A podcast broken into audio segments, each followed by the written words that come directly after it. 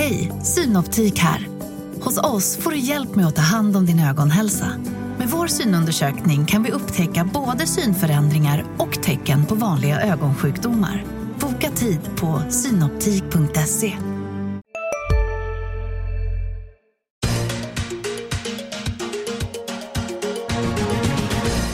Hej och välkommen till Makrorådet, podden där vi pratar om de stora ekonomiska frågorna. Och de som ska göra det idag är Annika Winst, chefsekonom på Nordea och Johan Javeus, analyschef på SEB. Välkomna hit båda två. Tack så mycket. Tack. Innan vi börjar ska jag också säga att jag heter Viktor Munkhammar och att det är förmiddagen på onsdag den 20 november när vi står här så att alla har förutsättningarna klara för sig.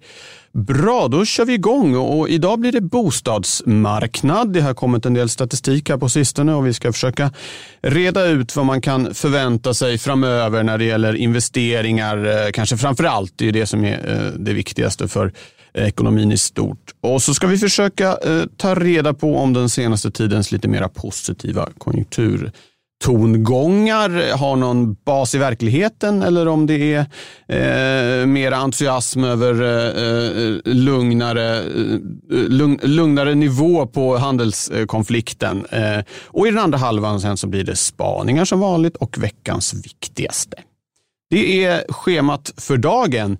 Eh, Annika, eh, vill du börja? Vi fick ju lite eh, statistik igår om just bostadsmarknaden. Det handlade dels om prisutveckling och det handlade om eh, hur många nya bostäder som hade påbörjats under det tredje kvartalet. Eh, vad kan man säga om det här? Vi har ju haft ändå, efter det här raset så har ju, har ju priserna klättrat på i maklig takt uppåt. Mm, jag vet inte om jag skulle kalla det ett ras eh, och framförallt inte i Sverige utan då är det ju lokalt som priserna har fallit tillbaka. Okay.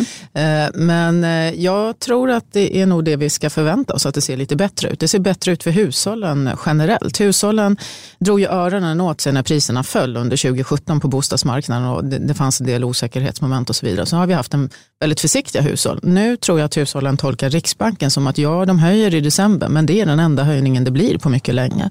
Och då är nog eh, priserna för låga helt enkelt. Då kan, man, då kan man låna mer och priserna ska upp. Och det är också det vi ser. Budgivningen börjar komma igång i, eh, i storstäderna och universitetsstäderna. Det finns en ökad efterfrågan. Så att i den här miljön så tror jag nog att vi kommer nog se en, en frågan, eh, ökad efterfrågan, men, men i en måttlig takt.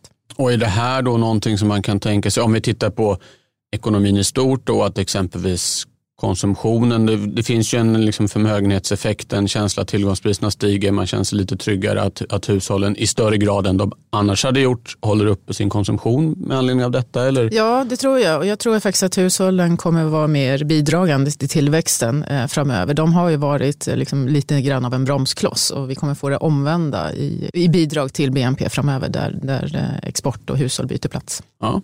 Johan, vi fick ju också då statistik på hur många bostäder som påbörjades. 9750 meddelade SCB. Det var en nedgång från i fjol. Men generellt så är det väl så att bostadsinvesteringarna inte har sjunkit så mycket som man kanske befarade för ett par år sedan. Delar du den bilden? Eller? Ja, eh, då, då, då trodde man ju att det fanns en risk att den här nedgången skulle fortsätta och bli betydligt allvarligare. Sen stannade det av och sen dess har det ju, priserna har ju repat sig och eh, nu tror vi att bostadsinvesteringarna kommer att fortsätta vara lite negativt bidragande till tillväxten här under några kvartal till. Men, men någonstans under, under nästa år så lär det här svänga runt i alla fall. Och bli en liksom noll bidrag ja, eller till och med positivt? Inte, jag, jag, tror att mycket beror ju på vad man ska tro om konjunkturen framöver och där är det fortfarande rätt stora frågetecken. Sen håller jag med Annika fullständigt om att räntorna är låga och det är klart att vi har en bostadsbrist fortfarande på många ställen i landet så att det är klart att eh, det kommer behöva byggas. Ja, du vill in här Annika? Nej, men jag tänkte just att även byggbolagen är ju beroende av räntan. Så att, eh, det är inte bara hushållen som eh, tolkar Riksbanken som att räntorna ska få vara låga efter december också. Så att, eh, det har också då stimulerat och, och mildrat lite grann den nedgången som många trodde skulle komma. Men min bedömning är att vi har väl botten någonstans under nästa år. Men som sagt, det handlar ju mycket om, om konjunkturen, men vi är inte riktigt klara ännu. Botten i vad och klara med... Bostadsinvesteringarna. Det kommer, bli lite, ja, det kommer bli lite sämre ett tag till. Inte, nästa inte, år. Precis som Johan sa, det är inte riktigt klart. Nej, okej. Okay. Men från och med någon gång nästa år då så, så får vi, blir vi av så att säga, med den här bromsen från fallande bostadsinvesteringar. Är det huvudprognosen här från er båda? Mm. Mm. Ja, okej. Okay. Det är bra. Ja. Jättebra. ja, ja okej. Okay. Eh, eh, tack för det. Eh, Eh, lite på samma tema eh, kan man väl säga, nämligen lite ljusare tongångar då. Eh, konjunkturen, det var ju en ruggig sommar vi hade. Eh, räntorna föll som stenar, indikatorerna föll som stenar. Eh, särskilt den tyska industrikonjunkturen stack ut här. Eh, och Eh, sen har vi haft lite tendenser till så kallade fiskkrokar, alltså att det börjar vända upp lite indikatorer, fortfarande svaga nivåer, men åtminstone att fallet har bromsat upp. Eh, vi har eh, börser som slår nya rekord hela tiden. Det har man ju kopplat mycket till att, att USA och Kina verkar ha på väg i alla fall att komma till någon slags vapenvila i handelskonflikten. Men hur är det? Är det är, är det lite ljusare vad gäller konjunkturen också nu eller är det mer att man liksom tittar på att börserna stiger och i grund och botten har det inte hänt så mycket? Du får börja igen Annika. Möjligen, men jag skulle säga att det är ett svårt läge. Jag tänker att de här fiskkrokarna som du pratar om, att det börjar gå upp lite grann, det handlar ju om eh, eh, penningpolitiska stimulanser också. Att eh, Fed bytte fot, ECB bytt fot, Riksbanken har sagt att det blir inte så väldigt mycket mer. Så stimulansen från finansiella marknaden är bättre än vad den var då om man backar eh, ett halvår. De här geopolitiska riskerna som man nu tolkar eh, lite ljusare, nu böljar ju det fram och tillbaka. Jag tycker att man är lite för optimistisk där. Jag, jag tycker inte att man har sett några lösningar. Jag tror att det mycket väl kan poppa upp igen. Och det ligger väl ett Trump-Twitter-bot i stort sett så, så har vi liksom ett helt annat stämningsläge. Ja, och det Hongkong-situationen ja, nu. Vi fick ju precis här nu i, i natt egentligen då signaler från, från USA om att eh, som skulle kunna få Kina att kanske backa lite? Ja, jag är handels... mycket bekymrad över det som händer i Hongkong. Ja. Det, det, är en väldigt svår eh, nöt för både kineser och amerikaner att hantera det här. Och det finns eh, risker där som gör att det kan bli sämre och det påverkar förstås aktiemarknaden. Konjunkturen då, ja, eh, möjligen att det är lite bättre i Sverige för att hushållen är lite mer optimistiska. Men däremot så det som har överraskat positivt om man backar ett år, det är ju exporten. Och där tycker jag nu man ser eh, sämre signaler. Så att Eh, nu tar hushållen över rollen som bidragande till tillväxten medan exporten då blir lite sämre. Internationellt så eh, hör jag senast igår bolag som i USA att nu börjar det kännas i USA också.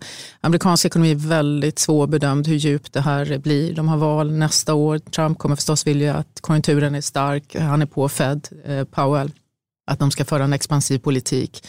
Hur mycket det mattas av, det kommer på något sätt sätta agendan även för, för svensk eh, tillväxt. Så att internationella signaler är oerhört, oerhört viktiga och vi får ju ett eh, Fed-protokoll ikväll där det är intressant att se hur man resonerar. Mm. Eh, Fed-ledamöterna här, ja. hur mycket stimulans det blir. Ganska mycket frågetecken då från dig egentligen, oklart läge. Ja, på marginalen bättre men, men det finns fortfarande risk på nedsidan i, i global tillväxt. Johan, har du några utropstecken att bidra med?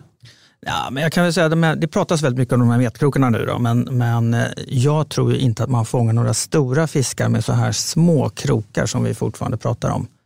Och eh, jag tycker fortfarande det finns en hel del orosmoln för konjunkturen framöver. Och det här med att marknaderna är euforiska och glada, det har ju mer att göra med centralbanker och räntesänkningar än det har att göra med någon förnyad konjunkturoptimism skulle jag säga.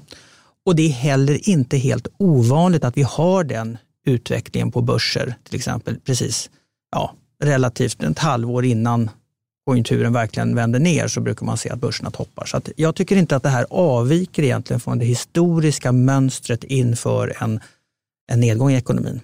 Nej, okej, okay, så det, det, det, lite då att det är plåster på såren så att säga vi ser här snarare än att någonting eh, att det har bottnat och börjat leta sig uppåt? Ja, metkrokarna måste bli tydligare och fler för att man ska kunna säga att det, det faktiskt är en vändning till det bättre på gång. Ja, Annika. Ja, men, men centralbankerna har ju varit inne och hjälpt till med de här metkrokarna.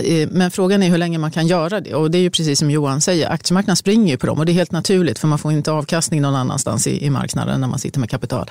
Eh, men frågan är hur länge orkar man hålla, hålla uppe det modet och då behövs det kanske mer framöver och det är ju frågan om vi får. Ja, precis. Det är nu som du sa så ikväll kom ju protokollet från, från Fed och som blir väldigt intressant för den signalen de skickade var ju att nu har de sänkt tre gånger och nu är det neutralt läge igen, eh, så nu är det liksom inte självklart att det kommer fler sänkningar.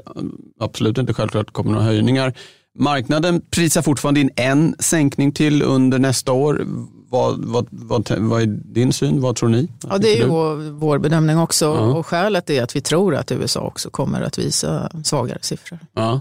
Och, eller hur Johan, det är också SCBs ja, prognos att det blir en till? Ja, vi har också den, den bedömningen. Och sen så vill jag, vill jag i alla fall personligen hålla öppet för att skulle vi nu få se att de här mätkrokarna inte materialiseras som många hoppas på, då är det klart att då kan det komma mycket fler sänkningar från Fed under nästa år. Ja, men inte från någon annan, för det är bara Fed som har en ränta att sänka ja, egentligen. Så är det. Norges Bank också förstås, men ja, det kanske ECB inte påverkar kanske på globala konjunkturer. Ja. Okej, det här får vi återkomma till eh, allt eftersom eh, indikatorerna Eh, tickar in här eh, under, under senhösten. Eh, och en sån viktig kommer vi återkomma till senare i programmet.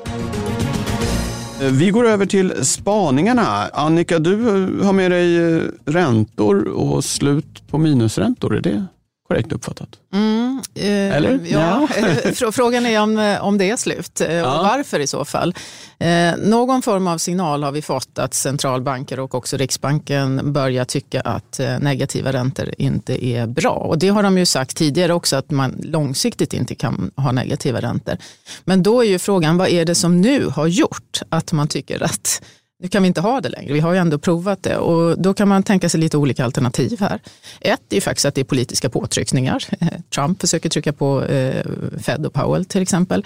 Eh, men i Sverige så har vi haft en diskussion när kronan var svag. Det var ganska många som var väldigt kritiska mot den politik Riksbanken förde. Man skulle kunna tänka sig att politikerna också var på den bollen, börjar bekymrade. Man ser att skulderna är på höga nivåer och så vidare. Vad är det man gör? När man har en sån här extrem penningpolitik med, med ekonomin? Vilka risker bygger man upp? Här måste jag bara, jag blir så nyfiken när du säger sådär, för politikerna brukar ju måna väldigt mycket om att inte lägga sig i som betraktas som centralbanken. Du säger att de kanske har varit på den bollen. Är det bakom lyckta frågat, dörrar då? Ja, jag har de... frågat Riksbanken och då svarar de nej. Eller jag har frågat ledamöter i direktionen och då svarar de att nej, det är inte politiken. Men jag tror, om ni tänker tillbaks innan sommaren när eh, Stefan Ingves var ute och sa, eller fick i alla fall en rubrik, att det inte är vårt jobb att ta hand om kronan. Eh, då var debatten väldigt högljudd och det skulle förvåna mig om inte politikerna då också drog öronen åt sig. Och man har ju gett centralbanker ett enormt mandat i mitten av 90-talet där man nu har tagit sig frihetsgrader som det är väl helt naturligt att man faktiskt diskuterar. Ska de ha så här stort mandat? Ska centralbanker kunna köpa aktier som man gör i Japan? Ska man kunna köpa företagsobligationer som man gör i Europa? Ska man kunna köpa halva obligationsstocken som Riksbanken gör. Så den här diskussionen tror jag är rimlig att den kommer. Men när jag frågat direktionsledamöter så säger de nej, det är inga, absolut inte politiken. Ja, Frågar man sen, eller tänker man vidare i ett internationellt perspektiv så är det inte bara en svensk fråga. Eh, vi har haft diskussioner från olika ledamöter i centralbankerna som har tagit upp det här att det är problematiskt, vi är ute på tunn is, vi vet inte hur det här kommer fungera. Draghi innan han lämnade över sa att det, nu är det någon annan som Hej, Ulf Kristersson här. På många sätt är det en mörk tid vi lever i. Men nu tar vi ett stort steg för att göra Sverige till en tryggare och säkrare plats. Sverige är nu medlem i Nato. En för alla, alla för en. Har du också valt att bli egen? Då är det viktigt att skaffa en bra företagsförsäkring. Hos oss är alla småföretag stora och inga frågor för små. Swedeas företagsförsäkring är anpassad för mindre företag och täcker även sånt som din hemförsäkring inte täcker. Gå in på swedea.se företag och jämför själv på ta över, vi kan inte göra mer. Christine Lagarde följer upp med, med samma resonemang. Och eh, även som jag sa innan, Stefan Ingves har ju sagt att det här kan man inte ha hur länge som helst och vi börjar se en diskussion och Riksbanken signalerar räntehöjning i december fastän konjunkturen och arbetsmarknaden viker. Och eh, då är det liksom ett alternativ. Och det tredje då som man kan tänka det är ju att tiden har gått.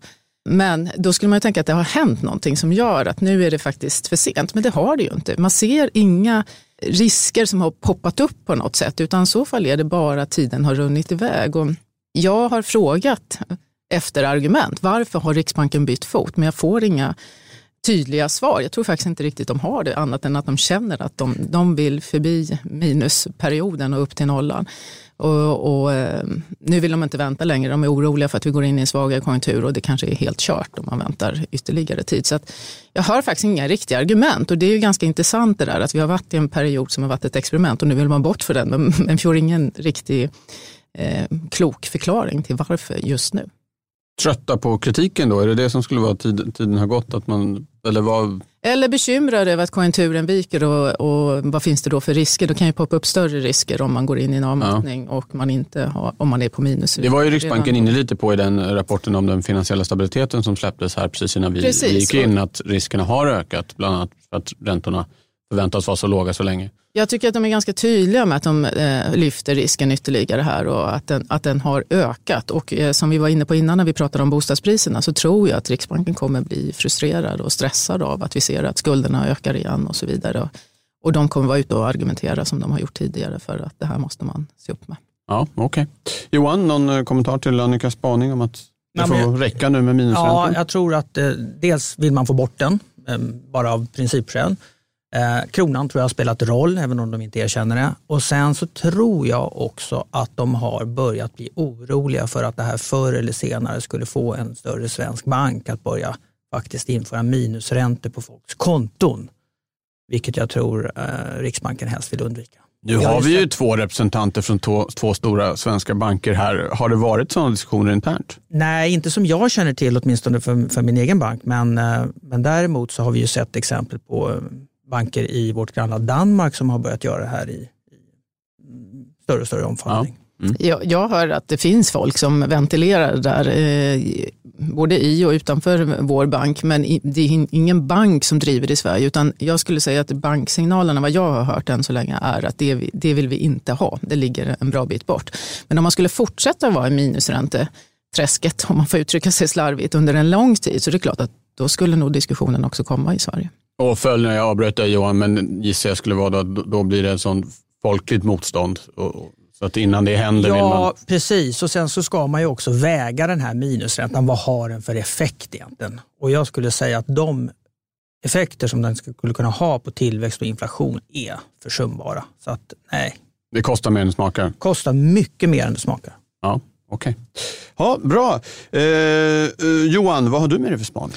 Ja, jag tänkte spana lite om betalningar. Det låter lite tråkigt, men vi får se. Kan vi säga att det låter tekniskt istället? Ja, lite kanske. Det ska vi inte vara rädda för. Men hörni, när använde ni kontanter senast? Jag gissar att det var någon gång den senaste månaden i alla fall. Ibland när jag ber mina barn gå upp och handla mjölk eller något, då uh, brukar vi försöka stilla ha någon 20-lapp uh, liggande. Men nej, annars så, det händer inte ofta. Nej, jag minns faktiskt inte det. Nej, det, en tid. Precis, och det är ju så allt fler gör. Jag menar, Riksbanken släppte faktiskt för, jag tror det var i förra veckan, en rätt så informativ rapport om svenskarnas betalningsvanor. Och, eh, den sätter ju fingret på naturligtvis det här väldigt snabbt minskade kontantanvändningen som vi, som vi har i samhället. Kontant står idag bara för 6 procent av betalningarna som görs i Sverige. Och det minskar som sagt fort. Tack. Eh, och ni vet ju också att Riksbanken de kämpar ju med att försöka vara relevant och hitta sin plats i det här framtida betalningssystemet som håller på att växa fram. Och man jobbar egentligen på två fronter. Dels så vill man ju försöka med lagstiftning kanske gärna få, få kontanter att komma tillbaka. Man har ju uttryckt det som att man vill att eh, det ska bli nästan en skyldighet för butiker att tvingas acceptera kontanter, vilket de inte är tvungna att göra idag. Och den vägen känns ju rätt så underlig med tanke på att kontanter, har ju, att kontanter försvinner har väldigt många positiva effekter också. Och det är många som kommer bli arga när de hör det här, för många gillar kontanter. Men man får komma ihåg då att dels så är det ett dyrt sätt att göra betalningar. Det är också någonting som ökar risken för brottslighet, både i form av svart ekonomi men också butiksrån och värdetransportrån och sånt där. Och det har haft väldigt positiva effekter att kontantanvändningen minskar. Eh, butiksrån har mer än halverats på tio år och eh, tio år sedan så var det 60 värdetransportrån. Förra året var det noll. Det finns en del positiva effekter. Det andra sättet som Riksbanken jobbar på då, det är ju att försöka hitta något alternativ då till det kontantlösa samhället. Då, och Swish och sådana här tjänster som håller på att växa fram. Och då är det ju e-krona-projektet som är i centrum här. Och vi vet ju inte riktigt hur det kommer att se ut, men att det kommer att vara någon sorts betalningssystem som ska konkurrera med privata lösningar, det är ju rätt så tydligt. Och Det är här som jag som kärnan i den här spaningen är, det att jag tror att Riksbanken kommer få väldigt svårt att få det här systemet, eller den här e-kronan att flyga. Och eh, utvecklingen på det här området går jättesnabbt nu. Jag har säkert hört om Facebook som håller på med sin globala valuta Libra. Google kom här alldeles nyligen och sa att man ska börja erbjuda bankkonton I Kina finns det här Alipay. I Sverige har vi Swish som är etablerat sedan många år. Och det är en stor utmaning, både för Riksbanken och andra centralbanker som har liknande tankar, att kunna komma fram med bra tekniska lösningar och framförallt kunna etablera de nätverk hos kunder som behövs för att få ett sånt här system att, att fungera. Och ett annat av Riksbankens argument är också att det här systemet som de ska erbjuda, det kommer att bli mycket säkrare och det ska vara det som fungerar då när bankernas system kraschar. Och jag tycker det finns kanske, man ska, man ska inte bara köpa det argumentet med hull och hår, därför att Personligen skulle jag säga så att jag skulle nog sätta större tilltro till ett system som byggs och underhålls av Google när det gäller driftsäkerhet än om Riksbanken kommer, kommer upp med ett motsvarande system. Så att eh, Säkerhetsargumentet är lite sådär tycker jag och det blir dessutom mer eroderat när man tänker att vad som håller på att ske idag är att det börjar växa fram en hel flora av olika sätt att göra betalningar. Du har Swish, du har Paypal, du har de vanliga kortsystemen och det börjar komma kryptovalutor och det kanske kommer Libra framöver och så vidare. Och det faktum att du har många system att välja på som konsument och kund, det är någonting som i sig ökar säkerheten i betalningssystemet som helhet. Men är inte alla beroende av ett fungerande internet? Det gissar jag att även Riksbankens system på något sätt kommer att vara beroende av. De har ju pratat om att det ska fungera offline. Jag har ärligt talat inte riktigt begripit hur det ska gå till. Men de, det är ju en aspekt de har lyft ändå. Ja, vi får se. Men, ja. Och det finns ju även, tror jag, Riksbanken har gjort studier och, och grävt i det här och de har kommit fram till att det, det går ju faktiskt att även använda vanliga kort offline i ett offline-läge. Men, men nu är vi inne på kanske mer tekniska detaljer mm. än, än, än, vad jag hade för avseende att, att göra. Men min, min, slutsats i det här i alla fall, det är att jag tror att både Riksbanken och andra centralbanker framöver, de kommer behöva omvärdera vilken roll de ska ha i framtidens betalningssystem. Och jag tror att det här kommer att landa i att det blir en mer övervakande funktion än rollen som utförare. Ja, okej. Okay. Annika, mm. Riksbanken som övervakare? Ja, det, det, är ju en spännande fråga och mycket diskussion om det här nu. Men det finns ett par saker som jag skulle vilja eh, markera. Och ett, det är ju inte så att betalningssystemet i Sverige är dyrt idag. Alltså att det är dålig konkurrens eh, och av det skälet. Utan du betalar ju faktiskt väldigt billigt idag. Så du behöver liksom inte öka konkurrensen. Två, om Riksbanken ska ha det här och inte delegera det till privata aktörer, då ska de ha öppet 24-7. Det kommer de inte ha. De kommer inte fixa det här, utan de kommer behöva delegera den uppgiften till privata aktörer. Så då kommer man inte ifrån det. Så att det är flera argument i det här som jag tycker är helt tokiga. De, de stämmer inte, de är inte relevanta. Det finns ett argument som jag tycker är klokt att reflektera över och det är därför jag tycker man ska göra en mycket större utredning än bara hos Riksbanken. Det ska upp på riksdagsbordet. Och det är om vi hamnar i krig. Om vi som Johan är inne på att man får eh, att det inte fungerar att betala elektroniskt över några timmar eller så vidare, då löser man det. Det gör man redan idag. Det, det finns liksom ah, reservalternativ så att säga. Men säg att vi hamnar i krig. Alltså vi pratar liksom år av problem. Den diskussionen tror jag att man ska ha. Hur, hur agerar samhället då? Men, men det är ju en helt annan fråga än den som Riksbanken har lyft. Ja, okej. Okay. Oj. Låt oss hoppas att vi inte hamnar i krig för då tror jag att vi har, då har vi andra problem som är större. Och... Exakt, och, och, och det, um, eh, det, tror jag också. Och det är därför man måste sätta det här i proportion till varandra. Vad är det vi diskuterar? Ja. Men det kan ju tänkas någon, någon variant av det, alltså någon typ av cyberkrig som skulle slå ut eller störa i alla fall internet under kanske inte år men en månad eller någonting i någon eskalerande konflikt och då har vi problem med, med egentligen de flesta av de betalningslösningar Ja, jag tänkte sy, eh, cyberkrig eller vad. Ja, ja okej. Okay, ja, sånt. Inte, inte fysiskt, men, men eh, och, och, det går ju inte att utesluta. Därför tycker jag att den diskussionen kanske riksdagen borde ha på sitt bord. Men det handlar om den, alltså ett långt, långt avbrott. Inte det här som eh, händer det händer ju faktiskt redan idag att folk har, blir av med strömmen en, en, en tid, men man löser det. Bra, då ska vi runda av detta med eh, veckans viktigaste, vad man absolut inte får missa den allra närmaste tiden. Johan, vad kommer du hålla ögonen på? Ja, vi har ju pratat om konjunkturen och jag tycker PMI-siffror som kommer här i slutet av veckan, det, de blir intressanta. Det är ju inte den viktigaste framåtblickande indikatorn för USA, men det blir en aptitretare inför ISM som kommer, som kommer senare. Just det, de här, den de preliminära siffrorna som kommer ungefär, eller den här, in, någon, vecka innan månadens slut. Eh, och det är inga för Sverige då, men det kommer för euroområdet och eh, USA som du säger. Just det. Ja, bra, tackar. Annika? Ja, för att haka på konjunkturen så kommer Konjunkturinstitutet med barometerdata och vi fick ju kapacitetsutnyttjande idag som var lite starkare än, än förväntat och det går helt på tvärs med Konjunkturinstitutets barometer. Eh, nu får vi inte den datan i, i veckan som kommer men däremot är ändå barometerdatan mycket intressant ur många aspekter, inte minst utifrån arbetsmarknaden.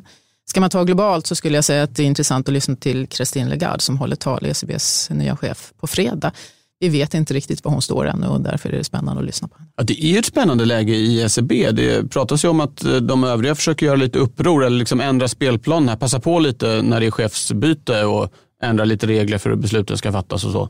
Ja, jag tänker också att eh, tjänstemännen där, Christine Lagarde är ju jurist och kommer ha stort behov av att ha kompetenta tjänstemän runt sig och då tror jag också att det gäller att steppa rätt bland tjänstemännen. Vem kommer hon välja? Vem kommer vara den viktigaste hon lyssnar på? Så, ja. så det är inte konstigt om det vid ett sånt stort chefsbyte faktiskt händer saker Nej. i organisationen. Okej, hörni. Eh, tack eh, ska du, ni ha som har lyssnat idag. Tack Johan, tack Annika. Jag kan också tipsa om andra poddar härifrån huset. Exempelvis kommer Analyspodden varje fredag, Förnuft och känsla och Digitalpodden och en hel del annat. Eh, vi här i Makrorådet är tillbaka om två veckor. Hej så länge! Makrorådet från Dagens Industri. Podden klipps av Umami Produktion. Ansvarig utgivare Peter Fällman.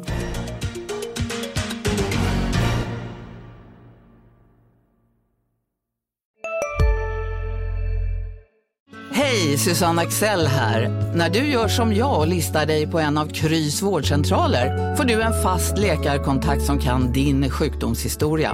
Du får träffa erfarna specialister, tillgång till lättakuten och så kan du chatta med vårdpersonalen. Så gör ditt viktigaste val idag, lista dig hos Kry. Kurrar i magen och du behöver få i dig något snabbt? Då har vi en Donken deal för dig.